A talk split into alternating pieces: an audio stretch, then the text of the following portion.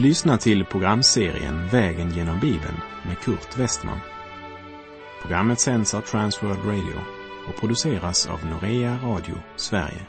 Vi befinner oss nu i Hebreerbrevet. Slå gärna upp din bibel och följ med. Vi har kommit till Hebreerbrevets elfte kapitel, som också kallas för trons kapitel. Tron och hoppet är ju två bärande krafter som Gud har givit för att föra oss genom denna världen och hem till evig glädje hos Gud. Kapitlen 1 till och med 13 utgör ett nytt fantastiskt avsnitt på vår långa vandring, vägen genom Bibeln. Och här stadfäst på nytt att med Kristus och hans fullkomliga försoningsgärning följer också bättre löften och en underbarare kallelse och tjänst. De tio första kapitlen handlade mycket om doktriner, medan det från kapitel 11 blir högst praktisk undervisning. Men se nu inte det läromässiga som en kontrast till det praktiska. I vår tid så finns det tyvärr många som hävdar att kristen tro inte kan uttryckas i färdiga satser. Och visst har jag förståelse för det, om det är den oreflekterade tron man vänder sig emot. Denna mekaniska upprepning av inlärda lärosättningar utan att göra personliga erfarenheter. Men lära och liv är inte motsättningar, utan det är de två bärande hjulen i troslivet, vingarna som lyfter oss mot målet. Med bara ett hjul på kärran så välter lasset och på en vinge lyfts ingen mot troslivets höjder. Och just därför att lära och liv hör ihop är det naturligt också här i Hebreerbrevet att det efter de klara doktriner som mött oss i de tio första kapitlen så kommer här en högst praktisk konsekvens av det som tidigare sagts. Någon har kallat kapitel 11 för troshjältarnas album. Det talas om kvinnor och män som påverkat hela generationer genom att lyda Gud och omsätta visionerna i handling. Hebreerbrevets elfte kapitel berättar om människor som gav sina liv i trons tjänst och som genom Guds nåd fick utföra storverk på denna syndens och dödens jord. Så låt oss med respekt och vördnad vandra genom denna etapp på vår väg genom Bibeln. Och låt det du läser uppmuntra dig och ge dig frimodighet att i vardagen vittna om Herren Jesus. Hebreerbrevet 11 vill uppmuntra oss att vandra i tro. De tio första kapitlen har gjort klart för oss den grund som det nya förbundet vilar på. Vi har mött klara lärosättningar. Därefter följer alltså trons kapitel för att lära oss att livet i Gud är inte bara en massa regler. Det är så lätt att kristenlivet bara blir en massa regler. Kanske är det därför som så många är mera upptagna av bergspredikan än av Jesaja 53. När jag reser till en ny stad så är det lättast att hitta fram. Om jag stannar och frågar någon ur den lokala befolkningen som är väl känd. Och så svarar de kanske, kör rakt fram till det andra trafikljuset. Där svänger du till vänster. Och sedan ska du passera fyra korsande gator. Vid den femte svänger du till höger och efter cirka 500 meter kan du se Frälsningsarmén på höger hand. Det är härligt att få en så klar beskrivning, för den är det lätt att följa. Men jag har märkt att det är många människor som också lever sina liv på det sättet. De bara följer en massa regler och inlärda doktriner. Det är lättast. Och ju mera osäker man är på var man själv står, desto räddare är man för samtal och gemenskap med sina trossyskon i andra församlingar.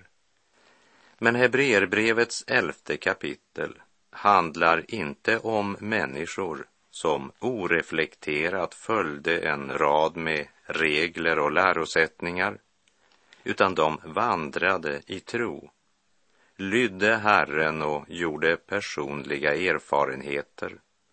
När kunskap och erfarenhet smälte samman till en enhet, lära och liv förenades till ett. Lära och kunskap utan erfarenhet, det blir bara teologi, eller rättare sagt teori. Men andliga erfarenheter utan förankring i de grundläggande doktrinerna leder bara till svärmeri. De kristna dogmerna måste alltid utgöra grunden, precis som här i Hebreerbrevet där vi i de tio första kapitlen får en mycket klar undervisning om Sonen som är större än änglarna. Men också om hur Jesus för en tid gjordes ringare än änglarna och hur Kristus är större än Mose som gav lagen. Om Jesus som den fullkomlige översteprästen om Kristi ämbete, det nya förbundets överste präst och om det gamla förbundets gudstjänst och att lagen endast innehåller en skugga av det goda som kommer. Vi har uppmuntrats till tro och kärlek och vi har varnats för avfall från tron och påminns om att Sonen utstrålar Guds härlighet och uppenbarar Guds väsen och uppehåller allt genom sitt mäktiga ord. Framför allt så har vi de tio första kapitlen undervisats om betydelsen av Jesu Kristi försoningsstöd för våra synder. Och när vi nu kommer till kapitel 11 får vi höra vilken praktisk konsekvens detta fick för dem som valde att vandra i tro. Sanningens dogmer och dess konsekvens i livet. När lära och liv smälter samman, då får du Hebreerbrevet 11.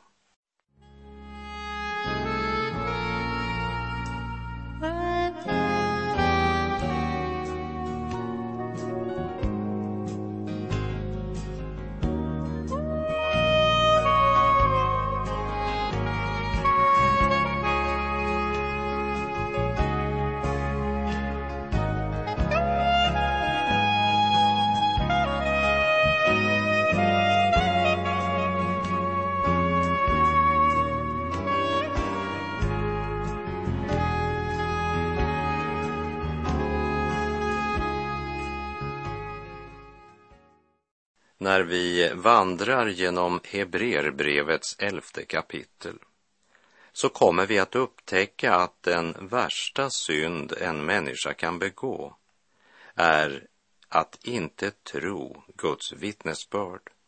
Otron är själva grundsynden. Vi läser Hebreerbrevet 11, vers 1.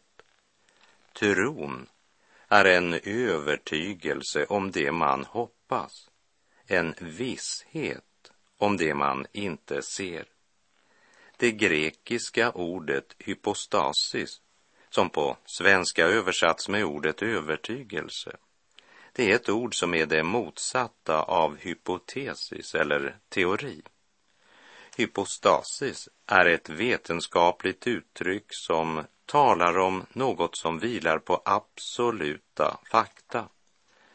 Och det är ju så det är med den levande tron, Den vilar på den historiska verklighet att Jesus Kristus har dött på ett kors, blivit begraven och har uppstått igen ifrån de döda. Och som Paulus uttrycker så här i Första Korinthierbrevet 15, vers 3 och 4. Jag meddelade er det allra viktigaste, vad jag själv hade tagit emot, att Kristus dog för våra synder enligt skrifterna, att han blev begravd, att han uppstod på tredje dagen enligt skrifterna. Tron är en övertygelse om detta, en hypostasis i motsats till en hypotesis. Det är något helt annat än en hypotes eller en teori. Det vilar på en historisk verklighet och är en övertygelse om det hopp som är absolut tillförlitligt. Tron är en övertygelse. Tron är den enda väg på vilken vi kan komma till Gud. Och den som förlorat tron har förlorat den bärande kraften i livet. Otron släcker både hoppet, viljan, livsmodet och framtidstron. Därför uppmanar han oss redan i Hebreerbrevets sjätte kapitel och sa, men vi önskar att var och en av er ska visa samma iver att bevara full visshet i hoppet ända till slutet, så att ni inte blir tröga utan följer dem som genom tro och uthållighet får det utlovade arvet. Det handlar inte bara om att tro, men framför allt om vad vi tror på, eller rättare sagt vem vi tror på. Som du minns från vår vandring genom Apostlagärningarnas sextonde kapitel där fångvaktaren frågade Paulus och Silas. Ni herrar, vad ska jag göra för att bli frälst? Och i Apostlagärningarna 16, vers 31 och 32 står det. Det svarade. Tro på Herren Jesus så blir du frälst, du och din familj och det predikade Herrens ord för honom och för alla i hans familj. Spurgeon, han uttryckte det så här. Det är inte att du håller fast på Kristus som frälsar dig. Det är Kristus. Det är inte din glädje i Kristus som räddar dig. Det är Kristus det är inte ens din tro på Kristus som frälser dig, även om tron är det instrument med vilket du griper Kristus. Men det är Kristi blod och förtjänst som frälsar dig. Tron är den enda väg som för oss från tiden till evigheten och fram till Gud. Därför är det trons väg vi ska vandra. Och det handlar djupast sett om att tro Guds vittnesbörd. Om att studera Guds ord och praktisera dess sanningar så långt som vi får nåd att förstå dess budskap. Jesus själv säger ju i Johannes evangeliets fjortonde kapitel, verserna 23 och 24. Om någon älskar mig håller han fast vid mitt ord och min fader ska älska honom och vi ska komma till honom och ta vår boning hos honom. Den som inte älskar mig håller inte fast vid mina ord. Det ord som ni hör är inte mitt utan kommer från Fadern som har sänt mig. Tron, det är inte något som du har av naturen. Tron är något som Gud skapar i ditt hjärta genom sitt ord och genom sin helige ande. Hör vad aposteln skriver till de troende i Rom. I Romarbrevet 10, verserna 6 till och med 11. Men den rättfärdighet som kommer av tron säger, fråga inte i ditt hjärta, vem skall fara upp till himlen, det vill säga för att hämta ner Kristus? Eller vem skall fara ned i avgrunden, det vill säga för att hämta upp Kristus från de döda? Vad säger den då? Ordet är dig nära i din mun och i ditt hjärta, nämligen trons ord som vi predikar. Om du därför med din mun bekänner att Jesus är Herren och i ditt hjärta tror att Gud har uppväckt honom från de döda skall du bli frälst. Ty med hjärtat tror man och blir rättfärdig, med munnen bekänner man och blir frälst. Skriften säger, ingen som tror på honom ska stå där med skam. Här tror jag att det är viktigt att påminna om att det inte är tvivlet som är trons motsats. Det är otron som är trons motsats. Och den som i sina tvivel och sin anfäktelse vänder sig till Jesus och likt fadern med den stumme sonen i Markus 9, verserna 17 till 27, ropar till Jesus, jag tror, Herre hjälp min otro. Han ska också få erfara att hans bön blir hörd. Tron är en övertygelse om det man hoppas, en visshet om det man inte ser.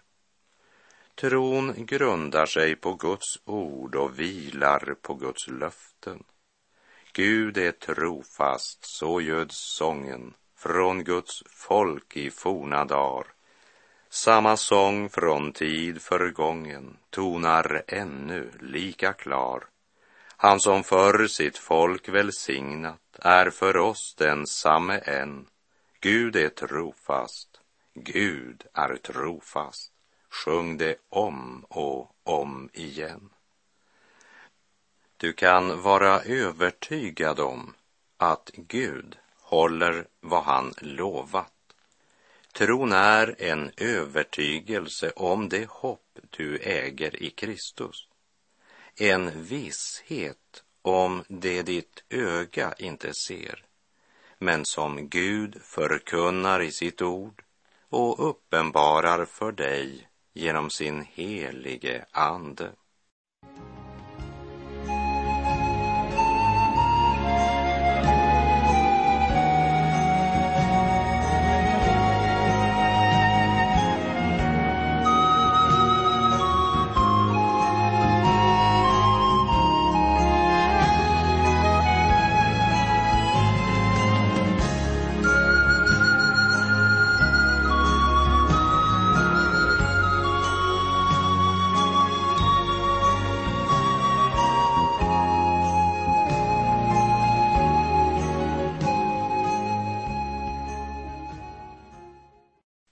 Tron är inte ett famlande i mörker. Tron är inte detsamma som att säga ja, man kan ju alltid hoppas. Sann tro vilar på Guds ord. Och trons väsen är sådant att det ger oss kunskap om Guds vilja och ger oss andlig vishet och insikt så att vi kan leva värdigt Herren och i allt behaga honom, som det står i Kolosserbrevets första kapitel, verserna 9 och 10. Tron är en övertygelse om det man hoppas, en visshet om det man inte ser. Och denna visshet om det man inte ser, det har sin källa och sitt ursprung i Guds eget ord. Denna vishet har ingen av den här världens härskare känt.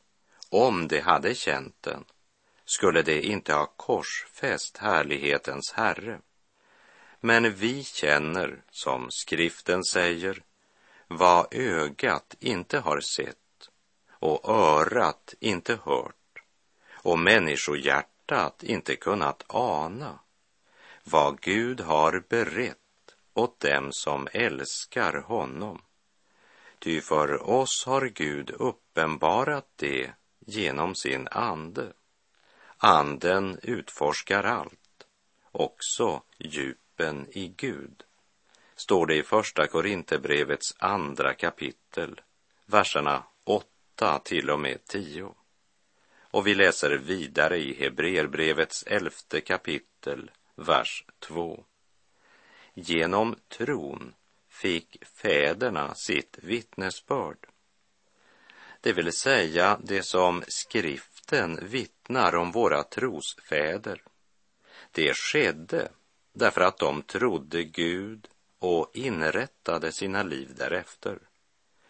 De hade mod att stå emot den tidsanda som präglade deras samtid och som oberoende av deras livssituation var gripna av en enda önskan, att bli använda av Gud.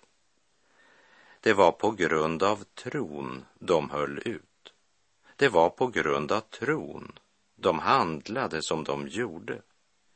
Och det vittnesbörd vi har i Bibeln om dessa människors liv och gärning, det är allt samman en frukt av deras tro på Gud. Genom tron fick fäderna sitt vittnesbörd, säger vers 2. Inte därför att de i sig själva var så fantastiska, men därför att de litade på Gud. Paulus förmanade troende i Kolosse med följande ord. Kolosserbrevet 3, vers 16 och 17.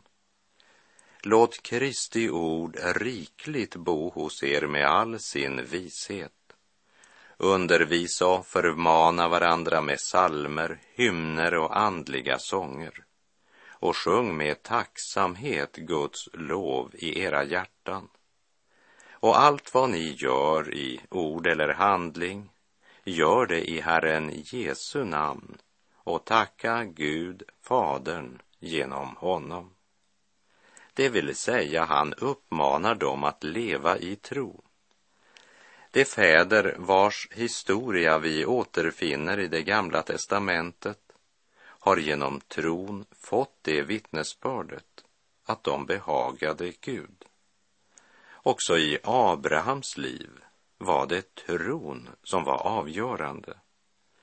I Första Mosebok 15.6 står det och Abraham trodde på Herren och han räknade honom det till rättfärdighet.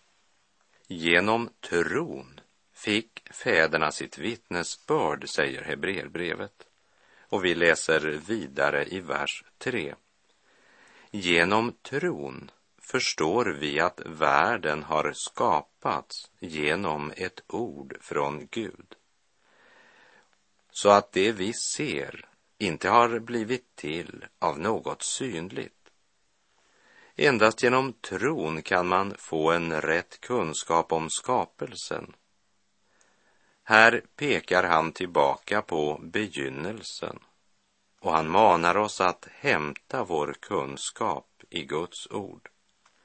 Men en oandlig människa tar inte emot det som tillhör Guds ande.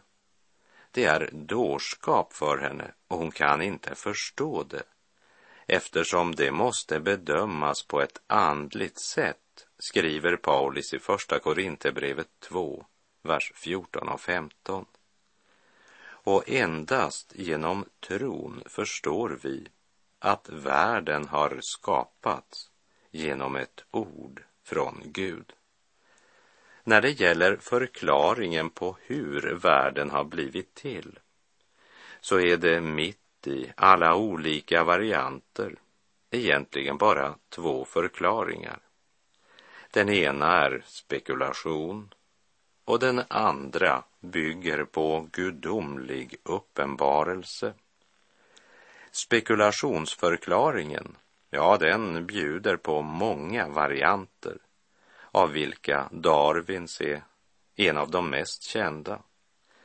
Även om han själv insåg att det var en ohållbar teori, så finns det fortfarande många som krampaktigt håller fast vid den, vilket ju är ganska otroligt.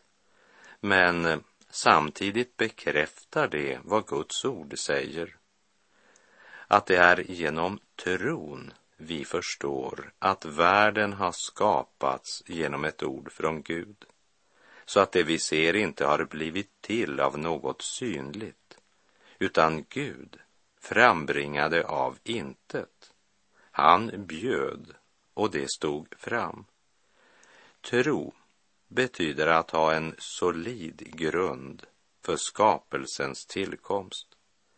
Jag behöver inte ändra teori allt eftersom vetenskapen ökar vår kunskap. Kunskapen om hur världen har blivit till har länge varit känd Nämligen, i begynnelsen skapade Gud himmel och jord. Men Satan, han lockar människan att tro på sina tvivel och att tvivla på sin tro. I vers 9 i Hebreerbrevets första kapitel beskrivs Jesu person med ett citat hämtat från Saltarsalmen 45, vers 8. Du älskar rättfärdighet och hatar orättfärdighet. Därför, Gud, har din Gud smort dig med glädjens olja mer än dina medbröder. Jesus hatade inte bara synden men han hatade allt som var en förlyd av synden. Och vi kan se syndens resultat överallt, inte minst i våra egna liv. Men rättfärdigheten, den inte bara ser, den handlar också.